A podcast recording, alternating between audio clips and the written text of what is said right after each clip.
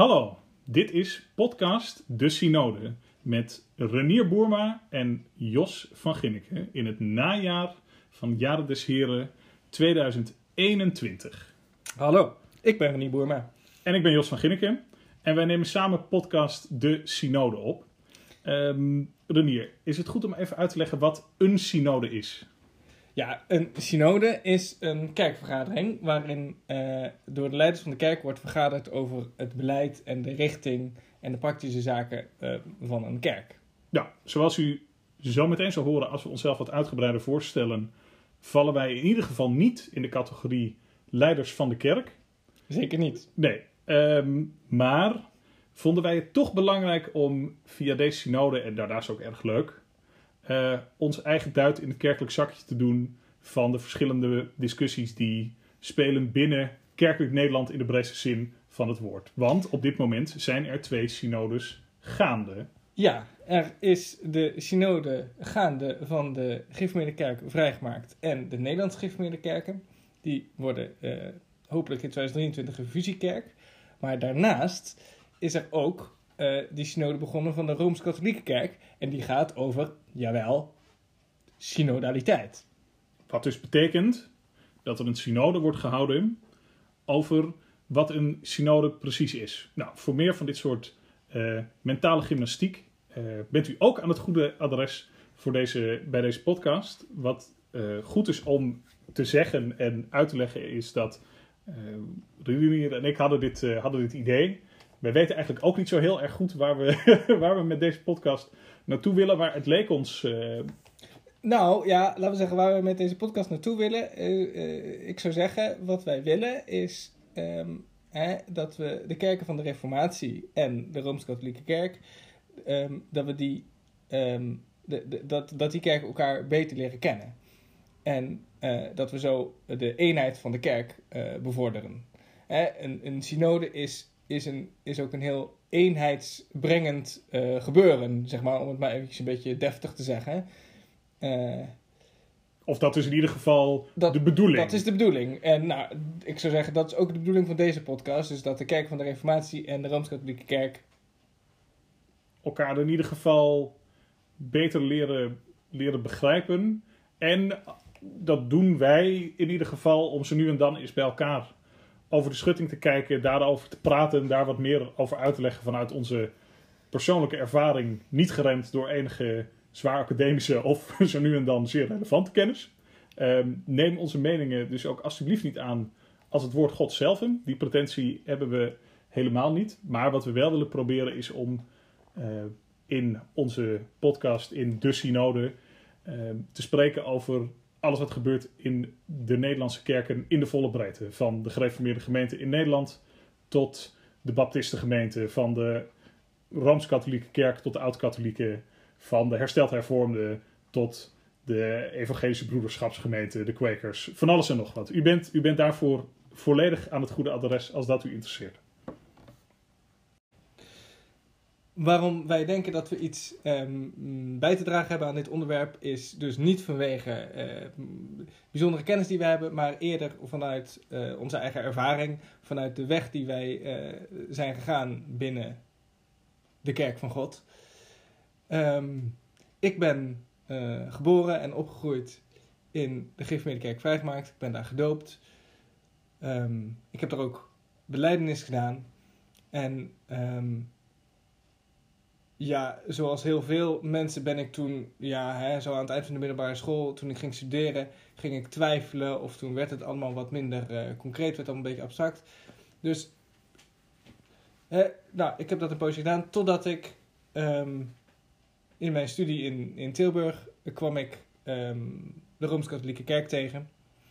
Uh, dat was wel grappig. Dit is, uh, misschien is het wel grappig om te vertellen. Ik wilde mij aansluiten bij een, een, een studentenvereniging. Nou, Um, en toen dacht ik, ja, goed, ik geloof niet echt, maar ik wilde toch nog wel een beetje erbij horen. Dus ik dacht, hè, ik sluit me aan bij een christelijke studentenvereniging. En nou, ik had een huis nodig. En toen dacht ze, ja, nou, toen stond hè, de pastorie stond leeg. Dus hè, dan, ja, tja, hè, dan als half atheïst uh, zit je dan toch in de, in de, in de pastorie van uh, de katholieke studentenparochie. Dus um, nou, hoe dat precies zit, eh, hoe dat precies is gegaan, is misschien voor een later moment. Maar ehm, ik ben in 2016 eh, opgenomen in de katholieke kerk. Ik, ben daar, ik heb daar het sacrament van het vormsel ontvangen. Eh, en ik ben dus nu katholiek. Ehm, en ja, wat ik zie is dat er een enorm cultuurverschil is. En dat de twee culturen, je zou kunnen zeggen, hè, de protestantse cultuur. mm, ja, laten we zeggen, nou ja, goed, de vrijgemaakte cultuur en de rooms-katholieke cultuur, dat die niet echt met elkaar praten. En dat is ontzettend jammer. En ik denk dat, dat wij daar op dat punt ehm, iets kunnen bijdragen. Ehm, nou ja, tot zover voor mij. Jos, ehm, wat is jouw ervaring binnen de kerk? Ja, ja om, om te beginnen over inderdaad dat, eh, dat gesprek dat we voeren. Eh, laten we zeggen dat de weg die eh, Renier en ik in de kerk hebben gewandeld, in het grotere lichaam van Christus, ergens een beetje elkaars spiegelbeeld zijn. In dat Renier, zoals hij heeft verteld, opgegroeid is, geboren, zijn jeugd heeft meegemaakt in de gereformeerd vrijgemaakte kerk. Maar als ik dat zo mag zeggen, en dan kijk ik even naar hem, toch wel een soort aha-moment, een, tot geloof komen heeft gehad in de Rooms-Katholieke kerk. Ja. En mijn ervaring is ergens het tegenovergestelde daarvan. Ik eh, ben eh, geboren in een eh, klein dorpje in, in Brabant. En net als alle mensen die geboren zijn in een klein dorpje in Brabant, ga je dan naar de katholieke kerk. Omdat je mama dat doet en omdat je oma daar naartoe gaat. En dan word je misdienaar. En dan mag je voor het eerst ter communie. En dan krijg je een beetje voorbereiding. En een favoriete heilige ga je dan uitkiezen. En dat soort dingen. Dat wordt ook ondersteund door de lagere school. Maar ook inderdaad, hè, net dat moment dat je ook beschrijft, je gaat toch. eh, kwam bij mij iets eerder. Wij verhuisden vanuit het eh, Brabantse naar eh, Zeeland. En het netwerk dat wij als, als familie hadden bij die, bij die Rooms-Katholieke kerk, dat, dat werd minder. Dus ja, mijn ouders gingen niet meer naar de kerk. En als eh, kindje in groep 7, 8 ga je dan zelf ook eigenlijk niet meer. Dus, die, dus die katholieke bagage wel, wel meegekregen. En her en der wat wel eens weer eens gaan kijken. Of eh, toen mijn moeder in het koor ging zingen, dan ging je wel eens mee. Maar eh, het zat nog wel in mijn achterhoofd, maar niet meer echt daarmee bezig. Totdat ik een heel eh, leuk, eh, vond ik eh, absoluut toen natuurlijk op dat moment, een heel leuk gereformeerd meisje tegenkwam. Die met haar familie bij de hersteld hervormde kerk zat. En ja, dan, dan ga je mee en dan hoor je de prediking daar. En hè, natuurlijk, je ging elke zondag twee keer. En dan hoor je opeens allerlei dingen en dan leggen mensen die Bijbel aan je uit. En ja, op die manier als katholiek geboren en, en opgegroeid. Maar mijn, mijn, mijn echte moment van, eh, van het licht zien, om het zo maar te zeggen, in een, in een gereformeerde kerk meegemaakt. En dat is wat volgens Renier en mij onze ervaringen in elk geval relevant maakt voor het opnemen van, van deze podcast. Wat misschien nog goed is om de luisteraars te vertellen, Renier, is dat je bent natuurlijk niet alleen maar opgegroeid in de uh, vrijgemaakte kerk. Jouw vader heeft daar ook een belangrijke functie, om het zo maar te zeggen. Ja, zeker. Mijn vader is eh, predikant. En ehm dus predikant in de, in de vrijgemaakte kerk. En dan heb je dus ook als gezin, of in ieder geval ik als persoon, ehm, kreeg daardoor, ja, kreeg daardoor veel mee, zeg maar, van, van zeg maar, de kerk. Ik vond, dat, ik vond dat heel belangrijk. Dus ik heb het altijd als iets heel moois gevonden dat mijn vader predikant is. En dat vind ik ook nog steeds. Ehm, in die zin is dat, is dat dus. eh, en is dat ook altijd een beetje wel een beetje in de, in de. Ja, een beetje in de schijnwerpers, zeg maar. Dus ehm, Als zoon van de dominee. ja, als zoon van dominee of als predikantsgezin. En, en eh, ja, eh, je, je- verhuist de hele tijd omdat, omdat je vader dan een beroep krijgt. Ja, goed, de hele tijd, dat valt ook allemaal weer mee. Maar het is, eh, je bent toch een beetje de nomade van God. Tenminste, zo, zo, zo voel ik dat soms aan. Ehm, eh, Misschien goed om dan mijn nomadepad nog even, nog even af te maken. Is dat ehm, ik heb dus heel veel geleerd over de over reformatorisch Nederland. Daar heel veel mee mogen kijken en mee mogen maken. En dat, dat trekt me nog steeds, nog steeds enorm. Die, die vorm van prediking, het, de manier van het zingen, die, eh, het orgelspel die ik in het bijzonder juist daar ook erg mooi vind. Maar dat Ja. is niet het eindpunt van, van mijn weg geweest. Uiteindelijk wel als ik dan alles wat ik in mijn jeugd mee had gekregen. En ja, goed, mijn eh, vader was geen eh, voorganger in de katholieke kerk. Als dat zo was geweest, dan hadden we een hele andere podcast op kunnen nemen over alle dingen die dat dan eigenlijk eh, diep van binnen had betekend. Nee, nee. ehm, maar die, die, die, die, die katholieke opvoeding, die bleef toch wel aan me zitten en aan me trekken. En wat ik dan hoorde in de reformatorische kerken in Nederland en in de reformatorische wereld, legde ik dan toch naast mijn, naast mijn opvoeding, wat ik daarmee had gekregen. En eigenlijk ook wel het beeld dat ik daar van God had. En dat, ja, laat ik het dan zo zeggen, ook het beeld dat God aan mij van zichzelf openbaarde. Ja. Ehm, wat mij uiteindelijk er wel toe heeft gebracht dat ik bewust daarna heb gekozen om rooms-katholiek te blijven, is misschien het goede woord, maar dat is Ja. nu de kerk waar ik gewoon elke zondag naartoe ga, ehm meehelp met de voorbereiding als koster en wat ik me het meest thuis voel. Maar die, dat, dat rondkijken en dat, dat, dat meemaken in eh gereformeerd Nederland heeft me wel heel veel geleerd. En, en een deel daarvan Ja. hopen we hier te kunnen openbaren en vertellen. Ja, en ja, ik zou zeggen voor mij, hè, toen, ik, toen ik besloot katholiek te worden, toen dacht ik wel van, eh jongen, het voelt wel een beetje als verhuizen naar een ander land. Ehm Brabant is ook wel heel ver. Vanuit. Brabant is ook wel heel ver. Ja, nee, maar dus, dus ook de, de vorm van de, van de liturgie en de vorm van de eredienst eh, staat, eh, ja, is, is, is best wel anders. Ehm, en nou ja, de reden dan dat ik toch naar dat andere land wilde verhuizen, ehm, was gek genoeg omdat ik heb gezegd, ah, maar dit is het geloof van mijn ouders. En ehm, dat is best dat- een interessante vaststelling. ja, en dat is ook precies. Ik bedoel, dat is inderdaad, dat is een heel interessante vast. En dat is ook een beetje gek. Want ja, ik weet niet zeker of mijn ouders dat zouden nazeggen. Maar, maar dat was wel wat ik. Hè, ik, ik liep daar als half atheïst, eh, half atheïstische jongen liep ik daar rond. En in de katholieke kerk vond ik. Nou ja, heb ik inderdaad nou, de, de, de, de liefde van God gezien. En ook vooral zeg maar een, een, dat de kerk, of ja, eh, de kerk en het geloof, maar vooral de kerk, dat dat op een bepaalde manier beantwoordt aan, aan heel diepe eh, behoeften. En ook zeg maar dat ik, dat ik niet bang hoefde te zijn voor God. Want dat, was toch, dat, dat blijft gek genoeg toch wel een ding. Ja, En- ja. En daarom zeg ik ook hè, dat, dat, dat ik in de katholieke kerk het geloof van mijn ouders heb gevonden. Want het is niet dat ik dat, dat mijn ouders mij angst voor God hebben bijgebracht. Of dat mijn ouders bang waren voor God. Helemaal niet. Ik was dat. Ehm, En die manier van, zoals je merkte dat je ouders naar, naar, naar God keken, dat is voor jou in elk geval hoe de katholieke kerk ja, over, over God praat. Ja, ik, ik, ik herken dat ergens ook wel.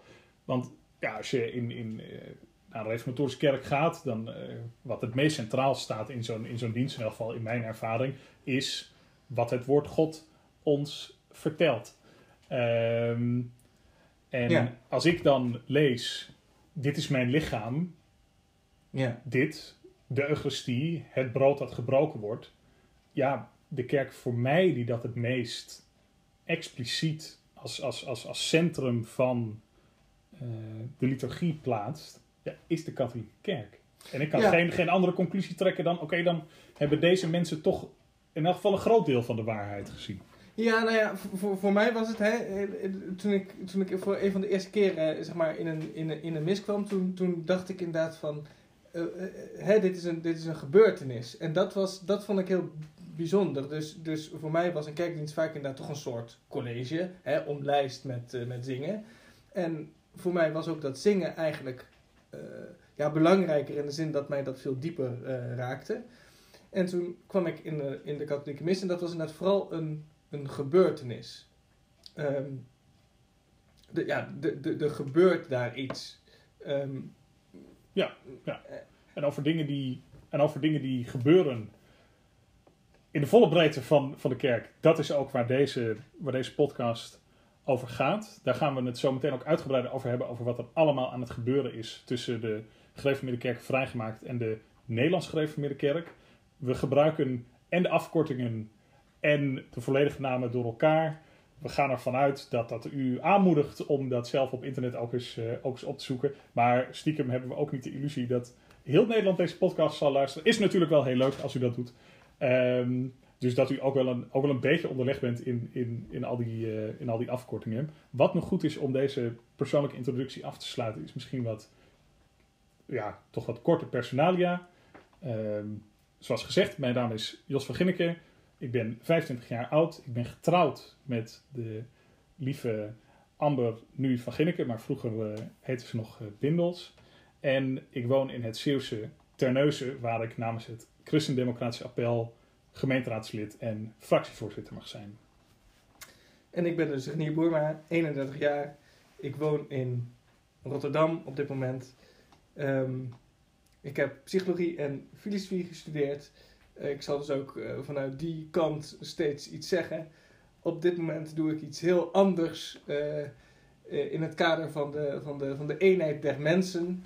Namelijk, ik geef Nederlands les aan buitenlanders en ja, expats, studenten, zodat ze zich um, thuis kunnen voelen in Nederland. Goed, dan komen we nu op het inhoudelijke deel van podcast De Synode. In principe is het zo dat wat we elke aflevering proberen te doen, is een aantal onderwerpen te bespreken, waarbij we na de introductie van, uh, van die aflevering beginnen met een, met een wat kleiner, wat, uh, wat luchtiger, misschien ook iets, iets actueler onderwerp. Om daarna als, als hoofdgerecht van de podcast, om het zo maar te zeggen, een uitgebreider, groter onderwerp dat, dat ook wat langer in de tijd loopt, uh, pakken om ons gedachten overheen te laten gaan. En voor vandaag beginnen we dan als, uh, als eerste wat, wat kortere actuele onderwerp met een verhaal dat gaat over christen zijn in de digitale wereld.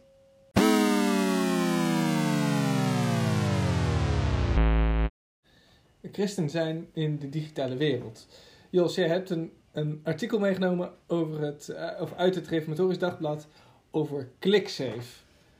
Vertel eens. Ja, ja het, is het, het is het artikel over het, uh, over het nieuws dat ClickSafe afscheid neemt van de whitelist.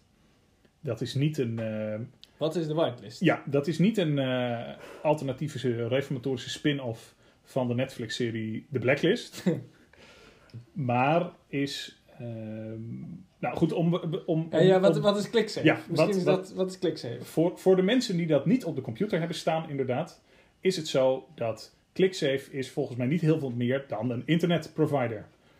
Voor mensen die internet op hun computer willen hebben, net als dat Delta of ja. uh, KPN. Dat is alleen... Maar ze doen iets specifieks. Ja, nou kijk, ClickSafe is uh, zo wordt het in het artikel in elk geval genoemd, en dat is denk ik ook wel het makkelijkste om het zo te zeggen, is een reformatorische service provider. Dus is een internetbedrijf dat zich in het bijzonder richt op gereformeerde christelijke klanten. En uh, je kunt van alles met het internet doen. En het hoofdidee is dat deze aparte internetprovider uh, ervoor zorgt dat jijzelf of je kindjes uh, niet op allemaal websites terechtkomen waar je als christen eigenlijk uh, niet je tijd op door zou moeten brengen. Okay. En dat gebeurt op twee verschillende. Of, en, en, en het idee is dan: ClickSafe heeft systemen en programma's en abonnementen die ze aanbiedt. Ja. om ervoor te zorgen dat je internetervaring zo veilig mogelijk is. En ja. dat kan op twee manieren. De zogenaamde blacklist. Dat is een hele lange lijst met, zoals het in het artikel staat, miljoenen websites die als je een abonnement hebt bij, bij ClickSafe, kun je daarvoor kiezen en dan kun je niet naar die websites. Ja. Ja, dat is dus gewoon een, gewoon een, zeg maar, filter van een aantal websites. Ja, nou, en, en, en van, van een groot aantal websites. Ja. En de whitelist, en daar gaan ze dus mee stoppen, is een lijst van in totaal ongeveer zo'n 215.000 goedgekeurde websites waarvan is gezegd van nou, de informatie die, die hierop staat, de achtergrond waar het over gaat, dat is, dat is veilig. Dat is, wat, dat is wat onze klanten, dat is wat onze mensen willen. Ja, en dat werkt, dus, dat werkt dus precies de andere kant op. Ja, dat werkt met een systeem waarin eigenlijk alles is slecht, totdat het op de whitelist wordt Ja. gezet en dan kan je er wel op. Ja. Ja, en precies. klanten kunnen daarvoor voor kiezen voordat jij helemaal losbarst. Wat Ja, je ook nou al ja, toen we dit artikel met z'n tweeën voor de podcast voorbesproken. Relevante informatie is als volgt. Er zijn 16.500 klanten van ClickSafe, waarvan 126 nog gebruik maakten van de whitelist op het moment dat ClickSafe besloot om daarmee te stoppen. Ja. Dat even als introductie. Ja, precies. Want wat was de reden van ClickSafe om met deze whitelist te stoppen? ClickSafe betoogt, naar ik aanneem, zal het gewoon een beetje duur zijn.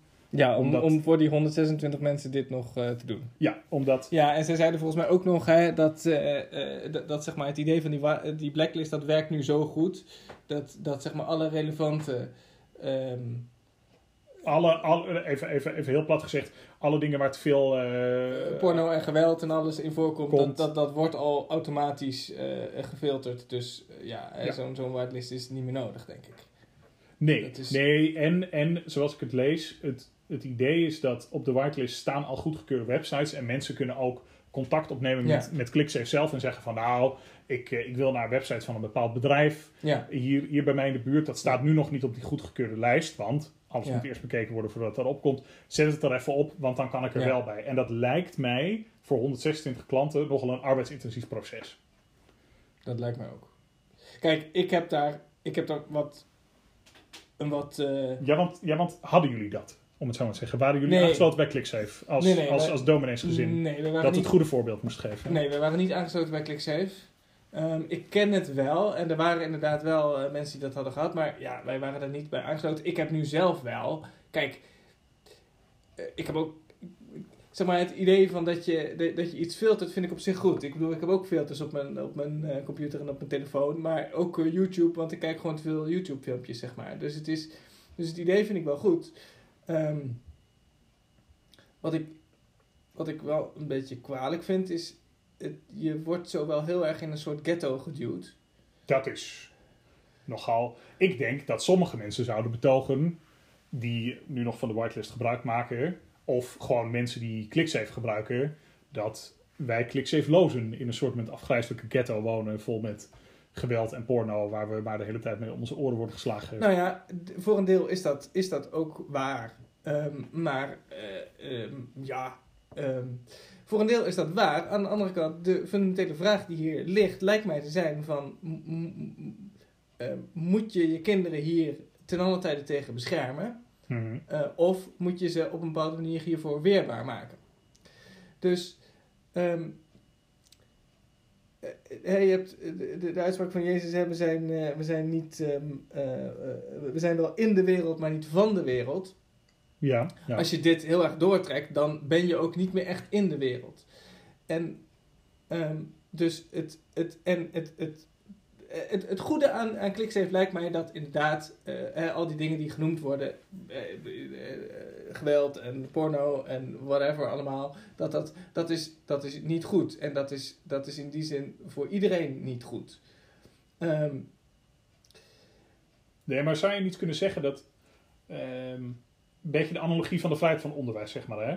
Want Mhm. wat, je, wat je in de meeste dingen terugleest, ook, ook, ook reacties op het artikel. Er wordt een overigens anonieme Zeeuwse vader geciteerd. Eh, dat vonden Renier en ik erg interessant. Mocht u luisteren, iemand van het Reformatorisch Dagblad. We willen heel graag met deze meneer spreken. Omdat we toch wel geïnteresseerd zijn in het, het, het precieze wereldbeeld dat daarachter zit. Maar de, de, de, analo- de analogie die ik probeerde te maken... en waar eigenlijk mensen die voorstander zijn van die whitelist ook al naar verwijzen... is ja, hoor eens, allemaal leuk en aardig. Maar net als bij de vrijheid van onderwijs... vind ik het belangrijk dat wat ik mijn kinderen thuis meegeef... dat dat gematcht wordt in de rest van hun omgeving. En dan kunnen we allemaal een beetje... Nou, dat kunnen we misschien een beetje apart vinden...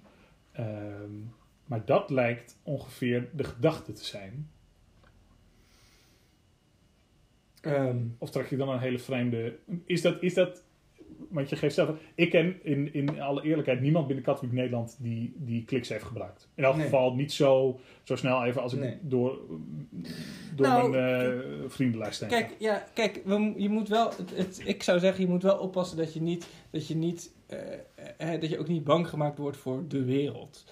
Ik bedoel, daar zijn slechte dingen in, maar het is echt niet zo dat er, dat er, dat er maar duizend webpagina's zijn die goed zijn. En, en dus, kijk, ik denk dat het goed is dat het, dat het nu afgeschaft wordt in de zin van dat ook gewoon de manier van internet gebruiken heel, heel anders is geworden. Ehm, maar ik zou er zeg maar, dieper zou ik willen zeggen, in de, eh, hè, we, zijn niet, ehm, we zijn wel in de wereld, maar niet van de wereld. Kijk, dat geldt voor, voor ieder mens. Zeg maar, deze uitspraak is, is zeg maar diep religieus. Dus wij lopen hier rond in deze wereld en, ehm, en eh, wij zijn daar niet, wij zijn daar toch niet helemaal eh, thuis. En dat geldt voor ons, dat is, dat is een heel diep menselijke ervaring. En ik denk dat dat heel erg belangrijk is. Voor een christen is dat nog, is dat nog, iets, um, nog, nog, iets, nog iets dieper. In de zin van, je kan dat ook zeggen. Hè? Dus, dus in, in dat eerste voorbeeld zeg ik, hè, de wereld is gewoon hè, de, de, de plek waar wij wonen. En de manier waarop dat vaak in de, in de Bijbel wordt gebruikt, dus de wereld, is zeg maar alle, alle slechte kanten van, van, van de wereld. Um, of hè, alle nou, even een beetje gechargeerd gezegd, hè, alle, alle, alle niet-christelijke dingen van de wereld. Maar...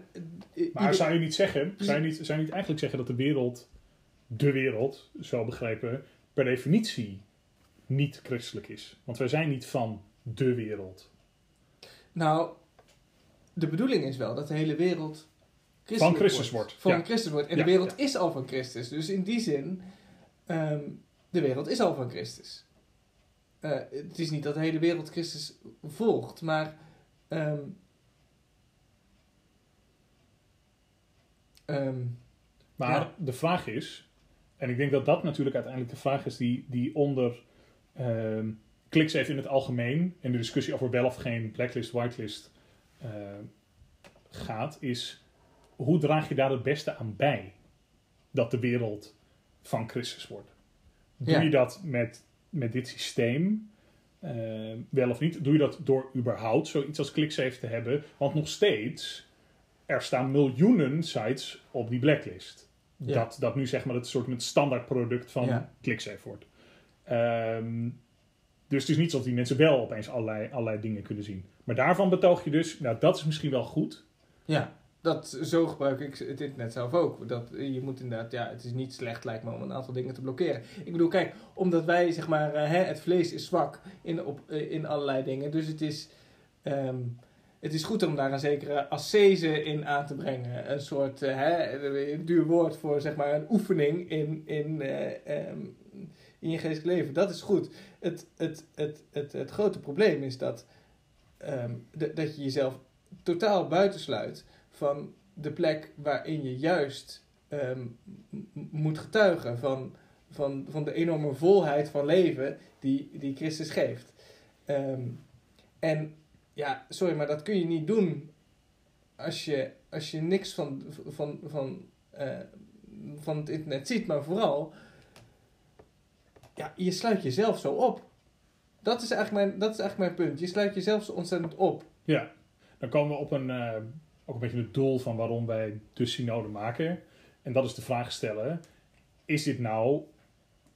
Want kijk, het, het staat in het Reformatorisch Dagblad, wordt aangekondigd als een reformatorische service provider. Is dit nou iets dat, dat typisch thuis hoort in die groep en, en, en levensstijl, om het zo maar te zeggen? Want het is niet alsof jullie thuis ClickSafe hadden. Ik had er nog nooit van gehoord voordat ik in aanraking kwam met, met gereformeerd Nederland. Um, ja. Maar is, is, is die manier van naar de wereld kijken nou heel typisch gereformeerd? Omdat, zo is anekdotisch in, in gesprekken met gereformeerden en mensen die dan naar mijn katholicisme keken, zeiden van ja, hè, maar de katholieke kerk die is toch eigenlijk wel iets meer van de wereld of wereldlijk of in de wereld. Um, dus is het een heel typisch reformatorisch ding om dit te doen. Maar ik kan me voorstellen dat er ook best katholieken zijn, katholieke ouders, ja. die zeggen van oh, dat vind ik eigenlijk wel wenselijk. Ja. Kijk, ik. Kijk, ik ben inderdaad redelijk in een, in een vrijgemaakte zuil opgegroeid wel. Dus inderdaad, hè, een vrijgemaakte school en zo, waarin je inderdaad de mensen ook naar dezelfde kerk gingen. En het dus, ND lezen, het ND en op de ChristenUnie stemmen. Ja. ja, ja. Um, dus, ja, en als ik en, en zoiets als ClickSafe, is dat dan weer een stapje verder. En, en terwijl, nou weet je, het, het, het gaat een beetje in, voor mijn gevoel, tegen zeg maar, het missionaire elan wat, wat de christen heeft. Dus zeg maar, we hoeven niet bang te zijn voor de wereld, want, want, ehm, want de wereld is al overwonnen door Christus. En dat, Ja, klinkt, ja. Natuurlijk, hè, dat klinkt natuurlijk een beetje. eh, De, de, dan, hè, die Zeeuwse die gaat nu zeggen: ja, eh, prima, maar hoe werkt dat in de praktijk uit? Dat is, dat is op zich een terechte vraag. Ehm, eh, en daar kunnen we in, in meerdere gesprekken kunnen we daar vast iets over zeggen. Maar, maar dat lijkt me heel anders. Van dat, we, dat lijkt me een heel andere houding dan dat je zegt: hè, we, moeten hier, eh, we moeten hier wachten en ons zuiver houden totdat Christus komt, bijvoorbeeld. Ja, Dat ja. lijkt me een heel andere. Een, een, hè, dat, dat, dat het leven een soort wachtkamer is voor de eeuwigheid. Ehm, en voor mij en is zoiets als ClickSafe daar een beetje een uitdrukking van.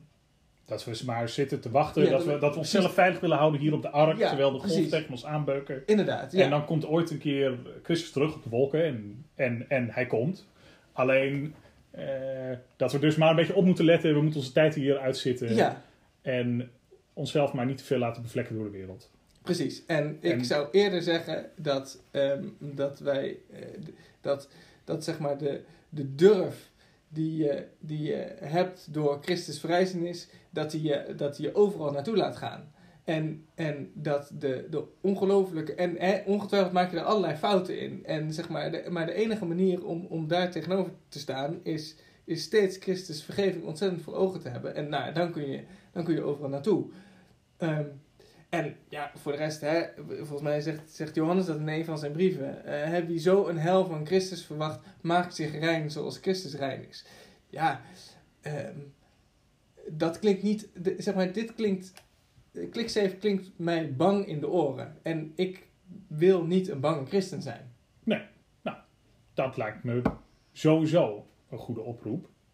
En dat hij ons overal brengt, dat zal in het volgende onderdeel van deze podcast bewezen worden. Waarin wij afreizen naar het onvolprezen Elspet. Om het daar te hebben over de synoden die daar gaande is op weg naar de fusiekerk. Tussen de gereformeerd vrijgemaakten en de Nederlands gereformeerde kerk.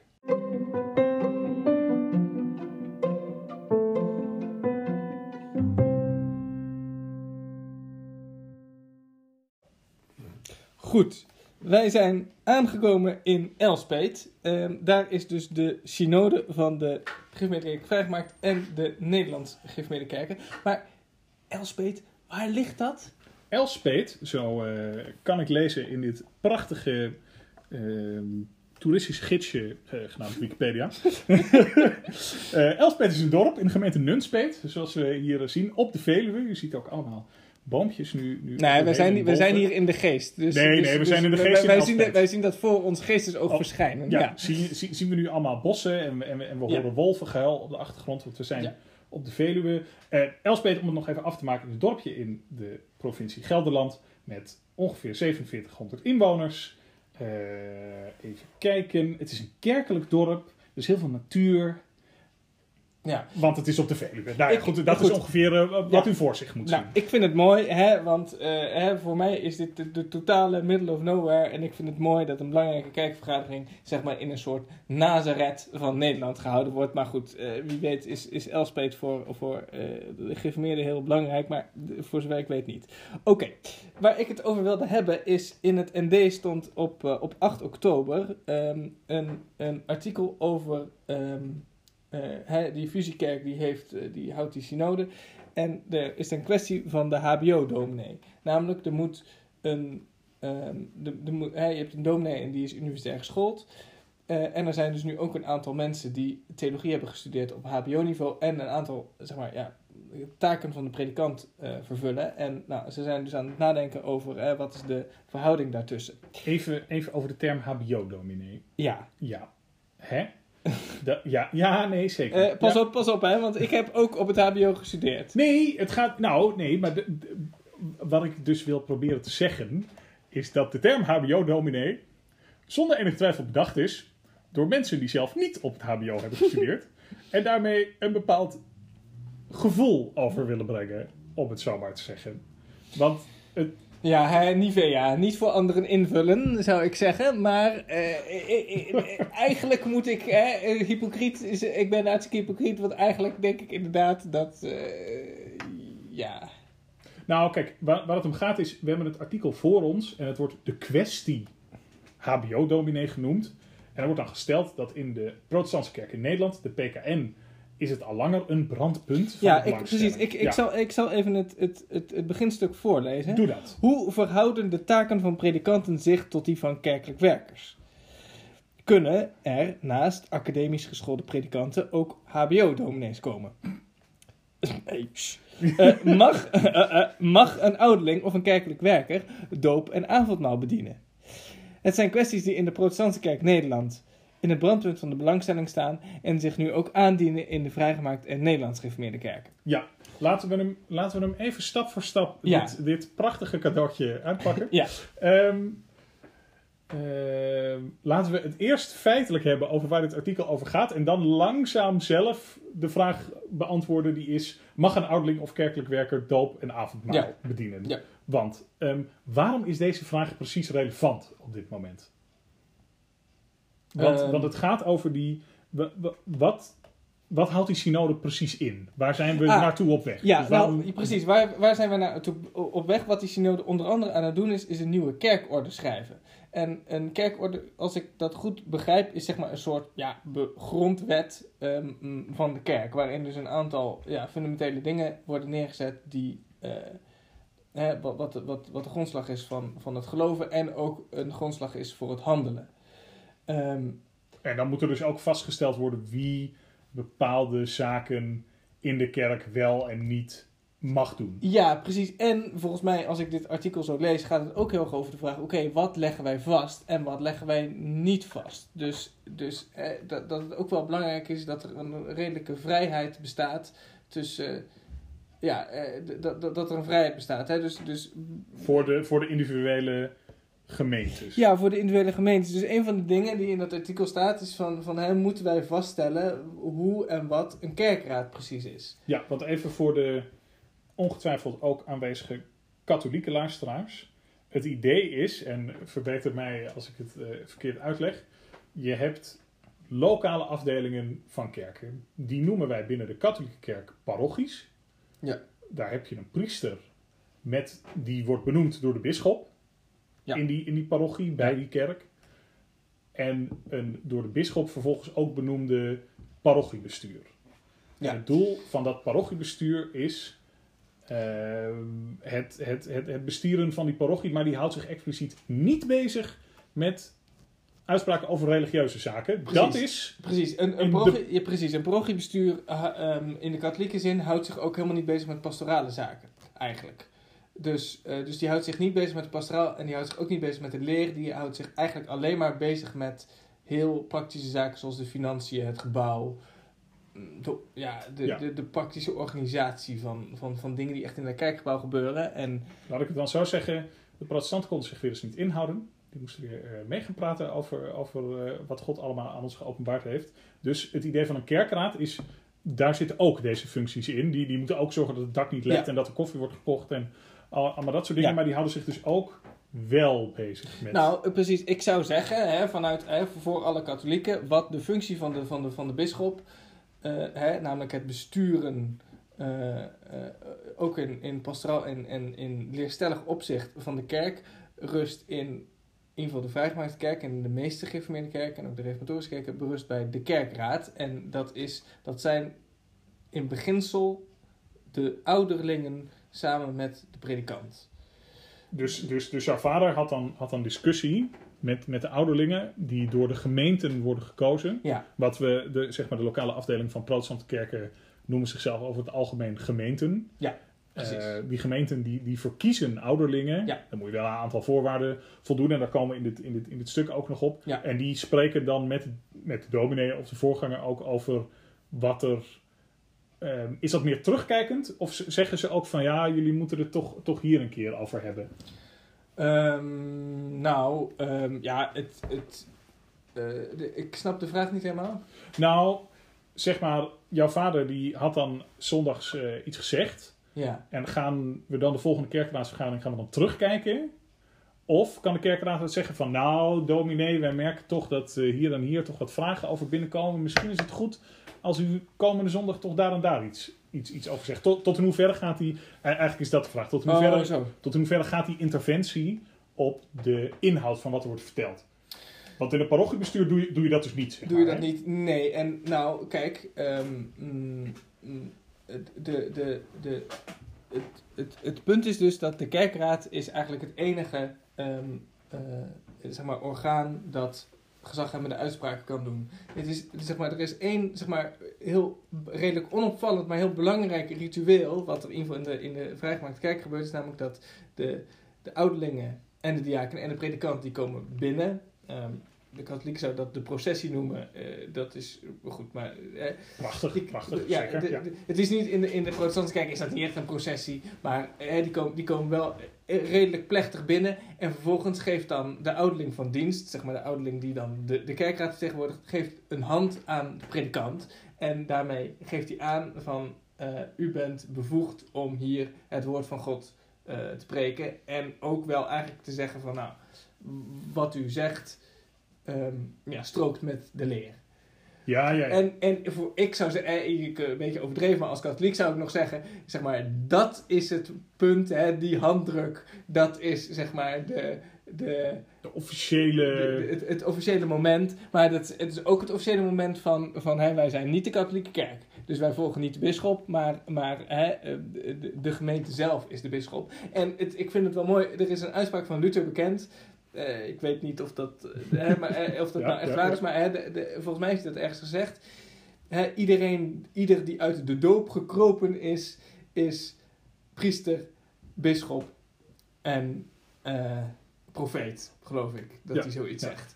maar dat is... en, en, dat is en, en, en dat is wel de sfeer. Hè? Dus, dus wie leidt of, of hè, wie bestuurt de kerk? Nou, dat zijn eigenlijk inderdaad de individuele kerkleden die, die een kerkraad kiezen. Ja, en dat is dus ook waarom het relevant is. En, en deze hele discussie nu, nu tussen eh, vrijgemaakt en, en, en Nederlands gereformeerden op weg naar die nieuwe fusiekerk, waarom dat relevant is. Omdat het dus best wel uitmaakt wie er, wie er in die kerkraad zit, om het zo maar te zeggen. Ja.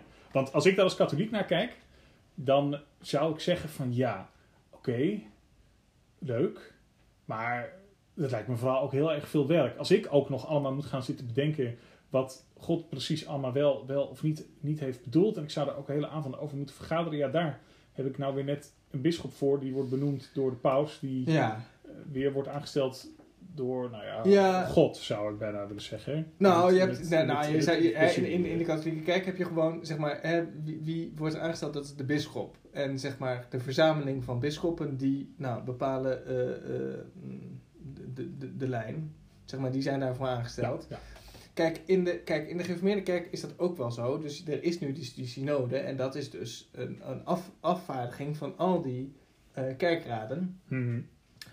Eh, en die gaan dan samen iets besluiten. Het punt specifiek in de, ge- in de gereformeerde vrijgemaakte is dat een synode niet...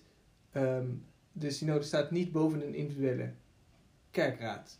Nou, dus de kerkraad kan altijd nog zeggen van hartstikke leuk, bedankt voor deze eh, tips. Ja, maar we gaan, Eigenlijk bijna, maar we gaan het toch anders doen. Maar we gaan het toch anders doen, ja. Dus wat er gebeurt is dat, dat iets vrijgegeven wordt. Ik bedoel, ik kan me dus nog... eh, hè, toen, toen in 2004 de nieuwe Bijbelvertaling kwam... toen werd eh, de nieuwe Bijbelvertaling vrijgegeven voor gebruik. En dat betekent dus dat dat in de officiële liturgie gebruikt mag worden. En nou, de- ik neem aan dat de meeste kerkraden dat ook deden. Nu is er iets veel... eh, eh, eh, wat- Fundamentelers aan de hand. Fundamenteel is aan de hand, want nu he- heeft dus de afgelopen synode van de Vrijgemaakte Kerk heeft gezegd: nee, ook vrouwen mogen ehm ambtsdragers worden. Dus die mogen ook ouderling en diaken en predikant worden.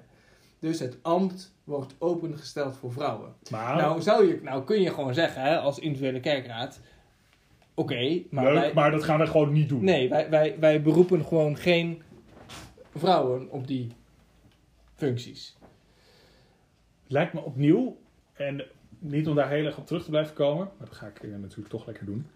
Ehm, als het doel nou is, ook van eh, wat wij met z'n tweeën zitten te doen, is het bereiken van een grotere harmonie in het lichaam van Christus. Ja.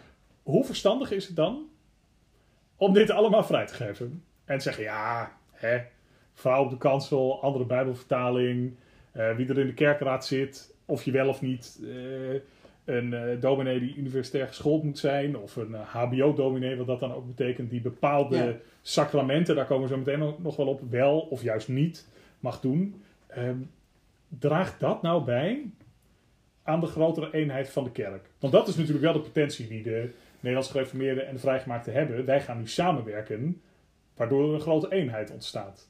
Maar als ik het artikel lees, dan lijkt er vooral een grotere. eh kijkt u zelf maar even te ontstaan. Ja, en dat is ook. de- daarom lees ik dit ook wel met een. Ja, eh, word ik hier zelfs een beetje verdrietig van. Want, want het, het punt is dat. Wat ik denk is dat er lijkt niet zo goed zeg maar, over nagedacht te worden. In de zin van. De argumenten die ik hè, in dit krantenartikel lees, zijn vrij mager. Dus. ehm, Ja, omdat. omdat kijk, kijk, nee, hè, ik, Ma- ma- eh, mag ik- ik dat zo illustreren? Ja, Ja, kijk, om, ehm, we gaan even terug naar, naar waar we over begonnen. En dat is namelijk, moet er een verschil zijn, en welk verschil is dat dan, tussen een, tussen een predikant, een, een, een, een dominee die, die, die universitair geschoold is, die daarvoor door heeft Ja. geleerd, of een zogenaamde HBO-dominee. Ja. We gaan even voorbij aan discussies over eh, technisch of praktisch of, of Ja. theoretisch geschoolde ik- mensen ik- en, ik- en, en wat dat wel of niet betekent. Maar dat, maar dat een van de argumenten die aan wordt gedragen is een voorganger met preekbevoegdheid kan dus wel gemachtigd worden voor het afnemen van een openbare geloofsbelijdenis of een, of een huwelijksbevestiging. Ehm, maar dat sacramenten, en zo begrepen sacramenten zijn enkel de, de heilige doop en het heilige avondmaal. en, het, en het avondmaal, dat die enkel door een predikant voltrokken zouden Ja. kunnen worden. En dat dan de functie extra profiel geeft. Ja, dat, dat, dat dus dat het leuker staat op je kerkelijke LinkedIn, zeg maar. Ja, ik, ik weet niet zo goed wat dat. Als, als dat de, het argument is, dan lijkt mij dat, dat lijkt mij inderdaad heel weinig.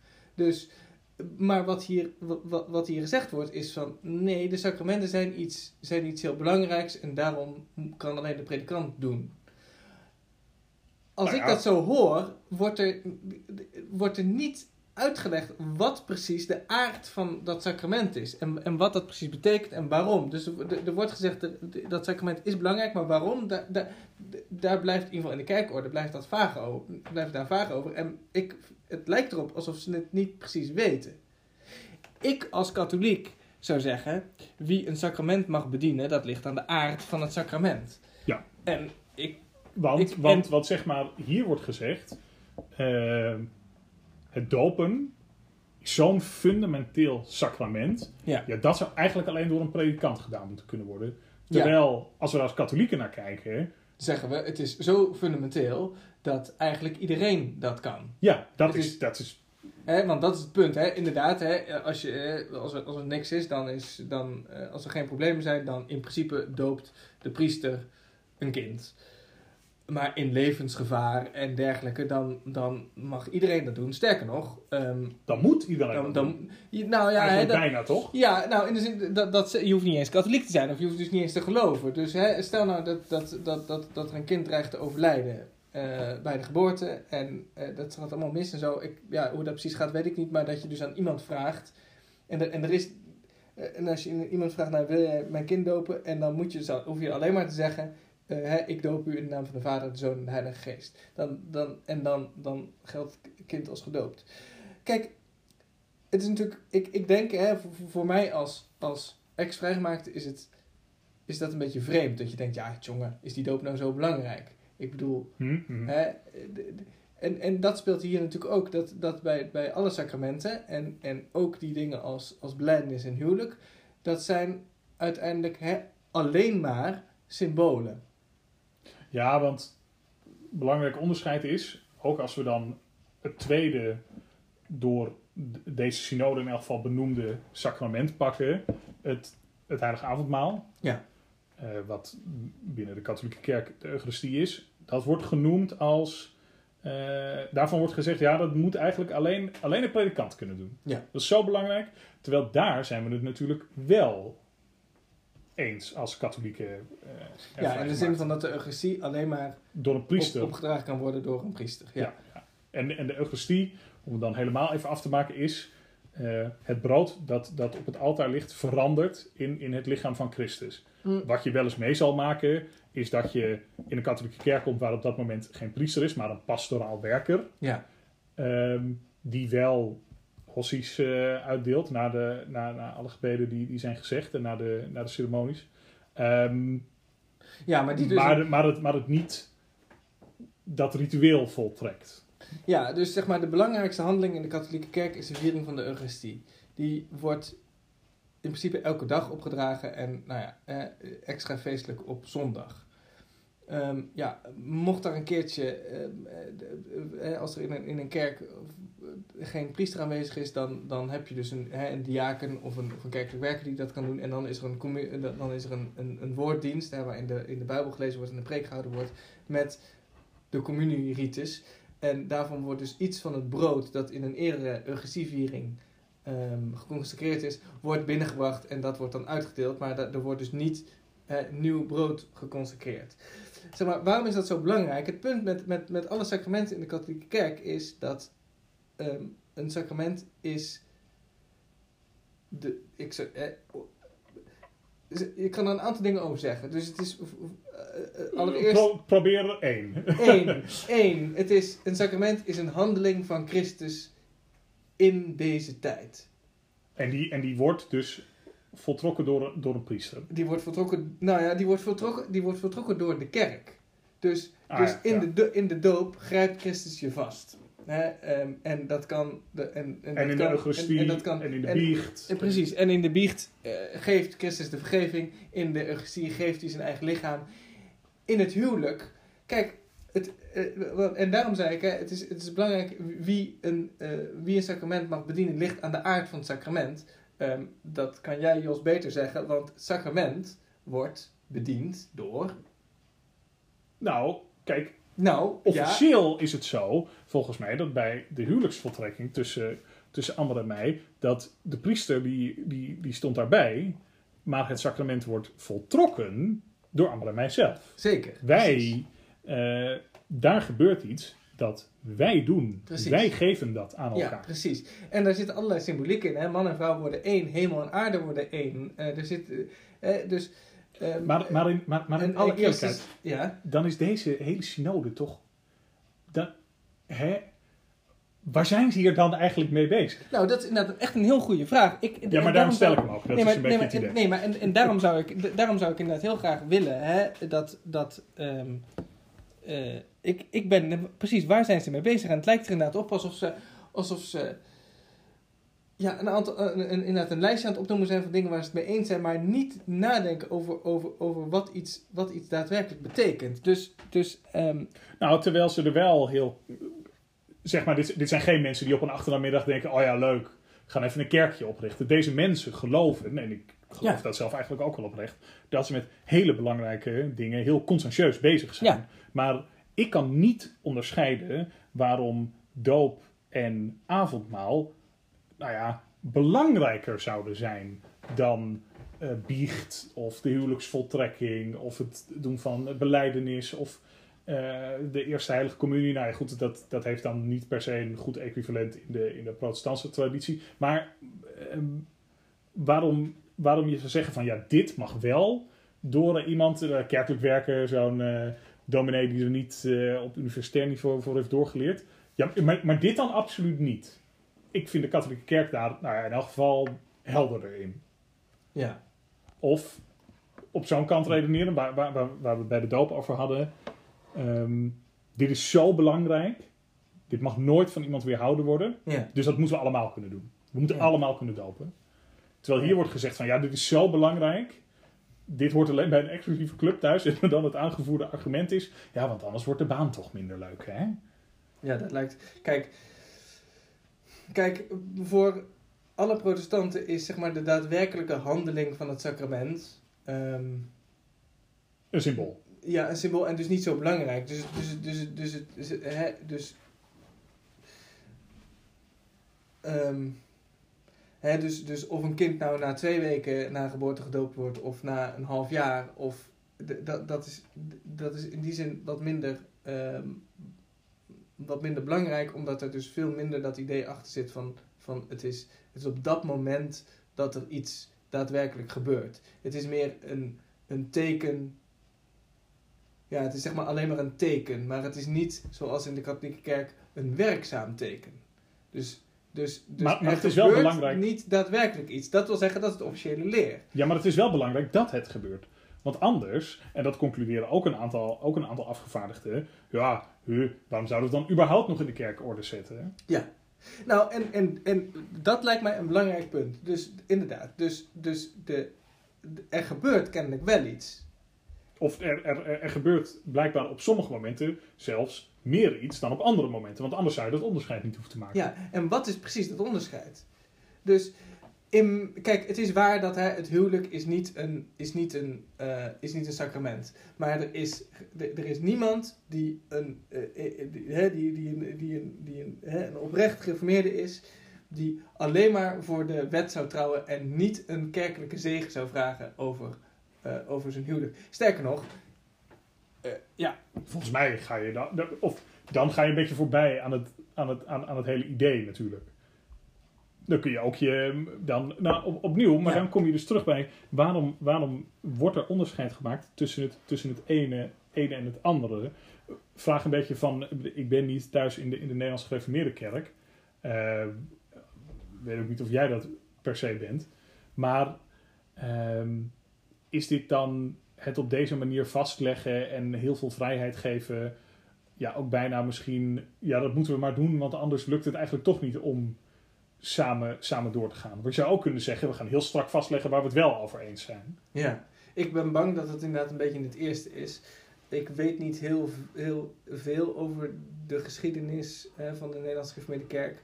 Ehm, Maar is, maar is uiteindelijk een kerk die zich eigenlijk heeft afgescheiden. ja, nou, en, en vooral omdat ze zeg maar vonden dat... ik, ik weet dus niet precies waarom, maar vooral omdat ze dus vonden dat de, dat de Vrijgemaakte Ehm, zeg maar echt te zwaar aan tilde. Dus Hmm, in mijn, ja. eh, voor een, voor een, een streng vrijgemaakt iemand, hè, die ik wel was, 20 jaar geleden waren de Nederlandse gemeente Kerk, dat, was, dat waren, die waren toch een beetje vrijer.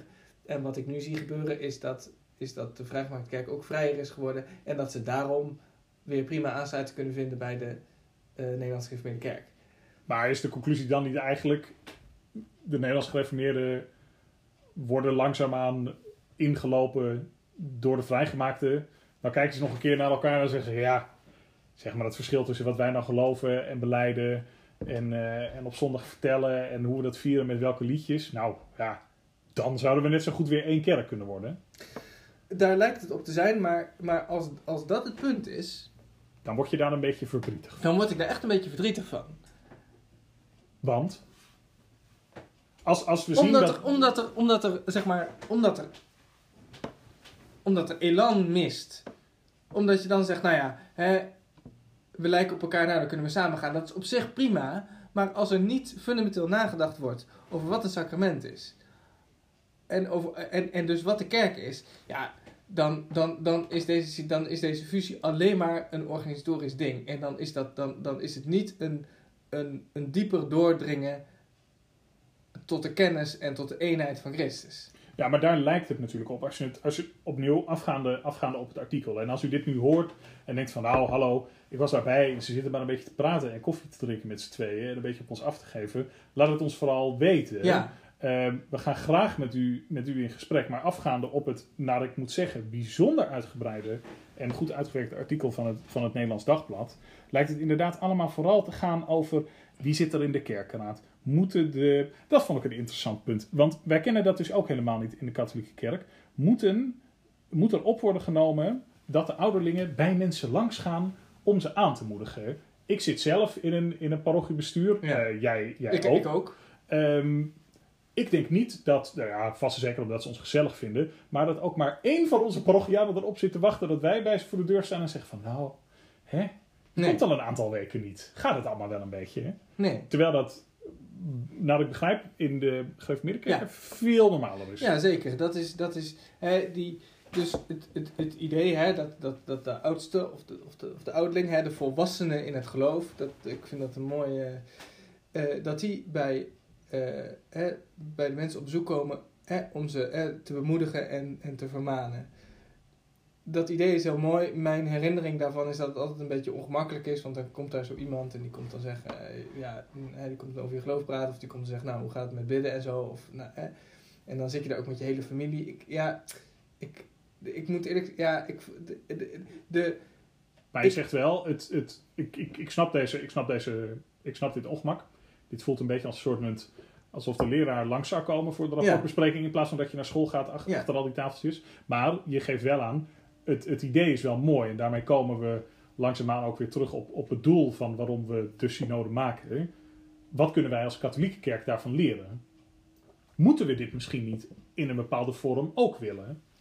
Ja, nou ja, je hebt natuurlijk in veel parochies. eh, eh, de, de, diaken is voor een deel, die doet dat. Hè, die doet dan vooral eh, de armenzorg. Dat is, dat is ook de, de overeenkomst tussen de functie van de diaken in de Gereformeerde en de katholieke kerk. Ehm, en, en je hebt de pastoor die, die, die langs kan komen. Ik, ik, in, Ja, de wij zien- in de parochies waar ik nu, tot nu toe ben geweest, is dat niet zo. Is dat niet een heel kijk, mijn vader als predikant, ehm, een, heel belangrijk deel van zijn werk is inderdaad het, het bezoeken van mensen die of ziek zijn of ja, zijn, of eh, pastorale eh, zorg nodig hebben, of, of gewoon inderdaad, ja, hij, hij maakt een preek, maar hij is inderdaad vooral bezig met, met, met mensen bezoeken. En de ouderlingen die doen dat in principe ook. Nou, en die, dat zijn gewoon eh, mensen die ook gewoon een baan hebben en zo. En die doen dat dus eh, eh, ja, Erbij. erbij, ja. Ehm, Nee, maar de vraag is dus, ehm, kijk, ook in de katholieke kerk, en daar gaan we in, in de volgende podcast wel, wel nog een keer op komen, is er discussie over de rol die, en eh, je mag eh, een volgende keer helemaal losgaan over wat ik zie je nu al, eh, over, over wat het woord leek wel, wel of niet betekent en wat dat, Ja. wat dat allemaal wel of niet inhoudt, maar over bijvoorbeeld ehm, de rol die leken wel of niet willen spelen. Ja. Het, het, het, het, het ambt eigenlijk, dat, dat Paus Franciscus nu heeft geïntroduceerd, waarin ehm, nou ja, mensen die niet celibatair leven, maar bijvoorbeeld wel kunnen preken, om het zo maar te zeggen, of, of bijbelexegese kunnen doen. ja, nee, ja, hè, dus, dus, een, dus, een, dus een diaken ehm, kan, in de, in de katholieke kerk kan een diaken dus ook getrouwd zijn. Mhm. En kan dus, eh, en, en kan dus spreken. Dus heeft in die zin de, de functie van, van, van, van predikant. Ehm eh, Paus Franciscus heeft, als ik het goed begrijp, inderdaad ook de functie van, van catechist en lector. Nu als een soort officiële ja, liturgische functie. Ehm, maar dat is inderdaad meer het daadwerkelijk voorlezen bijvoorbeeld van de, ehm, van, van de teksten uit de Bijbel. En, en, het, en het inderdaad geven van catechese onderwijs. En het klopt dat in de, laten we zeggen, de kerk waar ik zat, gaf inderdaad de predikant vooral catechisatie. En maar inderdaad, maar dat is nu ook wel anders. Nu geven ook leken. ehm, Ja, nee, nee, nee, Maar- nee, nee, zeker. Maar de, maar- de katholieke kerk lijkt daar meer Ja. naartoe te bewegen. Nou, zeg maar, waar ik eigenlijk iets over wil zeggen is dus eh, over dat woord leek. En ik zal de, de rant voor een andere keer bewaren. Maar, maar, maar eh, als nieuwe katholiek vind ik het moeilijk ehm, eh, te begrijpen wat, wat, wat mijn rol als leek precies is. Dus oppervlakkig gezien zou je kunnen zeggen dat in de protestantse kerken dat daar niet, dat daar niet zo'n hiërarchie is. Hè? Dus de, de, de, er is niet een, een, eh, er is niet een bisschop en, en de mensen worden niet echt gewijd. Eh, Hè? Dus dan zou je kunnen zeggen, er bestaat niet een hiërarchie. Het zijn allemaal leken. Ik zou het eerder omdraaien. In de protestantse kerken bestaan er juist geen leken. Nee. Ieder, hè, en, hè, dat citaat van, van, van, van Luther, hè, iedereen die uit de doop gekropen is, is bisschop, eh, priester en, eh, en paus. De- volgens mij was dat het, hè, bisschop, priester en paus. Ja. Ehm, kijk, in de praktijk natuurlijk wel. Hè, dus er zijn hè, de predikanten, ehm, de, de, de predikanten zijn, hè, die, die hebben ervoor doorgeleerd, die, die zijn er de hele dag mee bezig. En daarom zijn inderdaad de ouderlingen en diakenen in de protestantse kerk en heel interessant, want dat zijn dus inderdaad leken, ook in de gewone zin van het woord, van ja, mensen die er niet zoveel verstand van hebben, om zo te die niet een, een Nou, die niet een universitaire opleiding hebben en, en, en, en ook zelfs niet die, die HBO-dominee Inderdaad, zeg maar. maar die dus wel een die, die dus wel een heel belangrijke rol hebben. En, en ook een belangrijke rol in de leer. Want als, als, als de kerkraad in zijn geheel gaat zeggen: wij willen geen eh, vrouwelijke predikanten, ja, dan gebeurt dat niet. En je krijgt dus nu ook inderdaad, hè, in, in, eh, inderdaad een, en dan een kerkraad die zich dan gaat afscheiden van het kerkgenootschap.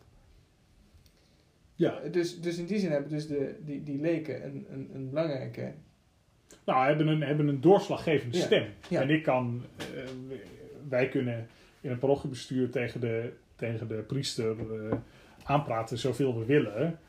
En, eh, maar wij kunnen geen vaststaande, eh, openbaar gemaakte besluiten nemen. We kunnen niet zeggen van nou, vanaf volgende week mag- hebben wij ook eh, vrouwelijke priesters. Nee, we, volgens mij hebben we, hè, voor, voor zover ik weet, hebben we alleen iets te zeggen over bijvoorbeeld... begroting en het, Ja, en het onderhoud van het gebouw. Ja, inderdaad. En, en, daar heb, en, en, en, en over dat soort vrij praktische zaken, daar gaat het inderdaad over. Hè, dat, dat, dat moet gestemd worden en met meerderheid wordt dat dan aangenomen. Maar, maar over de leer hebben we als programmabestuur niks te zeggen. Nee, maar de vraag is, is dat, wat kunnen we leren, zeg maar, van, Wat van, kunnen we leren? van deze discussie? Want ik heb toch het, ik heb toch het idee, aan, aan de ene kant vind ik het allemaal gewoon rommelig afkomen. Ja. Ik zou, ik neem mijn mening echt serieus. Nou, dat, rommelig- dat, dat, dat, Rommelig, dat, dat zult u nog wel het, merken. het, het komt, het- ja, rommelig in de zin van, van het lijkt erop alsof, alsof er een grote verwarring bestaat over wat, over wat nou een, het- zo'n sacrament betekent. En wat inderdaad, wat een sacrament betekent en inderdaad wat, wat, wat, wat de rollen in de kerk betekenen. In, in de, dus er is, wat er mist is een, is een theologische reflectie over. Hè, eh, en theologie is niks meer dan de kennis van God. Dus er mist kennis, Maar lijkt. in deze, in deze synode van de, van de GKV en de, en de NGK, ehm, of, of in het algemeen. Want sommige mensen zullen ook zeggen van ja, dat jullie alleen maar achter de priester aanlopen de hele tijd. Je kunt toch ook eh, zelf nadenken en de Bijbel lezen. En hebben die mensen ergens misschien niet ook een punt? Zeker. Zou het niet mooi zijn dat wij ook ouderlingen hebben? Niet zelf de potentie hebbende dat ik, dat ik dat zou kunnen. Maar ik zie mensen in, in, in parochies Ja. rondlopen waarvan ik denk, niet, niet, niet beter dan de priester of zo. Ja. Maar jongen, in, in, in, in hoe jij in het leven Ja. staat, daar, daar zie ik wel iets in. En hoeveel Ja. mooier zou het, of hoe mooi zou het zijn als je dat zou kunnen formaliseren. Nou, dus de, in, in dat artikel staat er dus één zo'n ding, hè. Ehm, eh, een, een, een predikant met singuliere gaven. Oh en ja, dat, is ja. dus, dat is dus iemand eh, eh, die niet een hele theologische opleiding zou moeten hebben, maar vanwege bepaalde gaven die hij heeft, eh, goed kan spreken of, of, of, een, of een diep geloof heeft. Ik weet niet precies wat precies die singuliere gaven zijn, maar in ieder geval dat er, dat er, dat er redenen zijn waardoor die niet de hele eh, theologische opleiding tot predikant hoeft te volgen ehm, en toch alle functies van een predikant kan uitvoeren. Nou, of in ieder geval bepaalde functies Ja, van een predikant kan Bepaalde uitvoeren. functies. En hè, ik heb eh, ehm, eh, kort geleden de Didache gelezen, de, ehm, de, de leer van de twaalf apostelen. Dat is een, dat is een, een, eh, een document wat, eh, wat daar niet tot de Bijbel behoort, maar, ehm, maar vlak daarna is geschreven. En, en dat bij veel kerkvaders ook wel in hoog in aanzien staat. En daar gaat het bijvoorbeeld over, over de profeten. Mhm. Eh, en dat lijken inderdaad gewone mensen te zijn die inderdaad bepaalde gaven hebben. Eh, nou, en daar wordt, wordt gezegd hoe je, die moet, eh, hoe je die moet behandelen en zo. En waar je die herkent. En waaraan je die herkent. En, en iets dergelijks. eh, het zou mooi zijn als we, als we dat in de katholieke kerk ook hebben. Want die, die, die, ja, eh, die bestaan wel. Ja, nee, zeker. Er zijn, er zijn mensen die nou eenmaal ehm, volwassener in het geloof zijn dan, dan anderen. En eh, En waarvan je zou zeggen, daar kunnen we ons wel of niet aan optrekken. Nu is het natuurlijk zo, de katholieke kerk heeft daar natuurlijk een formule voor. Wel pas nadat die mensen dood zijn, door ze eh, eerbiedwaardig, zalig en heilig te verklaren. eh, ja, Daar Ja. heb je alleen niet zo heel veel aan als die mensen nog leven. Nee, precies. Want het, want het gaat hier ook wel dat ze inderdaad een, een, een, een soort officiële functie hebben in, in, in de kerk. En En daardoor bepaalde sacramenten Ja. kunnen, kunnen voltrekken. Ja. Als ik hem dan, als ik hem dan omdraai, ja, Ehm, want je zei van nou, eh, kijk, voor mij, als ik dit stuk lees, denk ik, allemachtig. Deze mensen hebben het wel over, over van alles en nog wat. En die zitten daar maar de, de hele dag onder het systeemplafond hier in het, in het mooie Nunspeet. Dat wij ons geestes, oh, eh, in, het, in het mooie, het mooie Elspeet, in de gemeente Nunspeet. Daar, Mhm. eh, daar komt hij vandaan. Ehm, die zitten daar maar onder dat systeemplafond te besluiten wat God allemaal wel of niet vindt. Hm. En dat zijn, zitten ze allemaal heel, heel, heel serieus te doen. Maar jij zei eigenlijk, ja, nou, volgens mij gaat de discussie daar juist helemaal, helemaal niet om. Wat kunnen zij dan weer van de katholieke kerk leren, om het zo maar te zeggen? Want in een, in een eerder gesprek dat we hadden, zei je van, nou, dit, dit kan eigenlijk niet slagen.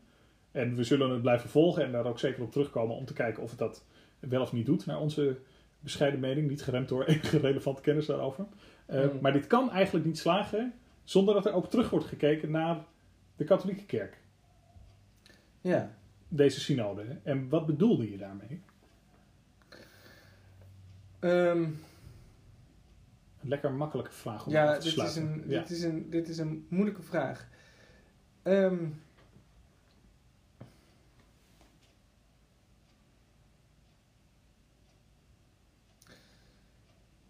ja. ja, het voor mij. Nou, waar het, de, het, wat ik zo bijzonder vond aan de katholieke kerk, en ik denk dat we inderdaad daarmee kunnen afsluiten. Wat ik, wat ik echt heel bijzonder vond aan de katholieke kerk, is met. eh, in, in, in haar gebeden en in, in de manier waarop de katholieke kerk zich bijvoorbeeld tijdens de mis, eh, de manier waarop, die, waarop ze spreekt naar God, met een ontzettende, eh, met een enorme vrijmoedigheid. Eh, en dus in- met een enorme vrijmoedigheid enerzijds dus naar God en met een anderzijds een enorme vrijmoedigheid naar zeg maar, eh, de wereld. Dus het, het, het lijkt er inderdaad op, alsof de, de, de Ka- Rooms-Katholieke Kerk heeft een enorm zelfvertrouwen. Dus die, die kan inderdaad, eh, en wat ik heel aantrekkelijk vond, hè, zo, zoals je dat ook in mensen aantrekkelijk vindt. Hè, iemand die veel zelfvertrouwen heeft, is aantrekkelijk. Mhm. En de Rooms-Katholieke Kerk is in de kern een kerk die heel veel zelfvertrouwen heeft. Die met ontzettend veel zelfvertrouwen en voor mij overtuigingskracht kan zeggen: Zo spreekt de Heer. Wij danken God. Wij danken God. en ja, het, dus, dus ik kan daar niet zo heel veel concreets over zeggen. Dan dat ik hoop dat de mensen van, de, eh, van deze synode gaan spreken met mensen van de Rooms-Katholieke Kerk. Misschien zelfs wel zich gaan verdiepen in de sacramentleer van de Rooms-Katholieke Kerk. En dat je dan stappen kan zetten. En dat je dan stappen kunt zetten. Dat je dan kunt zeggen: oké, is de predikant bijvoorbeeld. Kunnen we niet ook zeggen dat de, dat de functie van predikant, of misschien wel de functie van ouderling, dat, dat, dat het het aanwezig stellen op een bepaalde manier van Christus is? En dat je dan beter onderscheid kan maken. Dat, het, dat het dan niet, dat, dat het dan ook niet uitmaakt of die man HBO of universitair Precies. geschoold is. Maar dat je zegt van nou, dit is wat dat sacrament betekent. En daarom doet deze persoon Ja. het. En niet omdat hij er wel of niet voor door heeft geleerd. Of omdat hij wel of niet eh, celibatair leeft, per se of zo. Ja, En dat dat de Ik- winst is. precies. De winst is dat, hè, en dit is, en, en dit is een, een, ergens in Hosea staat: Mijn volk gaat ten onder aan een gebrek aan kennis. En ik denk dat we dat precies zien gebeuren. En dat zien we zowel gebeuren in de katholieke kerk als in de kerk van de Reformatie. Dat iedereen nu heel erg in zijn eigen hokje zit en ten onder gaat aan een gebrek aan kennis. Aan een gebrek aan kennis van zichzelf eh, en aan een gebrek aan kennis van een ander. Nou, en om iets aan dat gebrek aan kennis te blijven doen en daar niet aan ten onder te gaan, dat is het idee van podcast de Synode.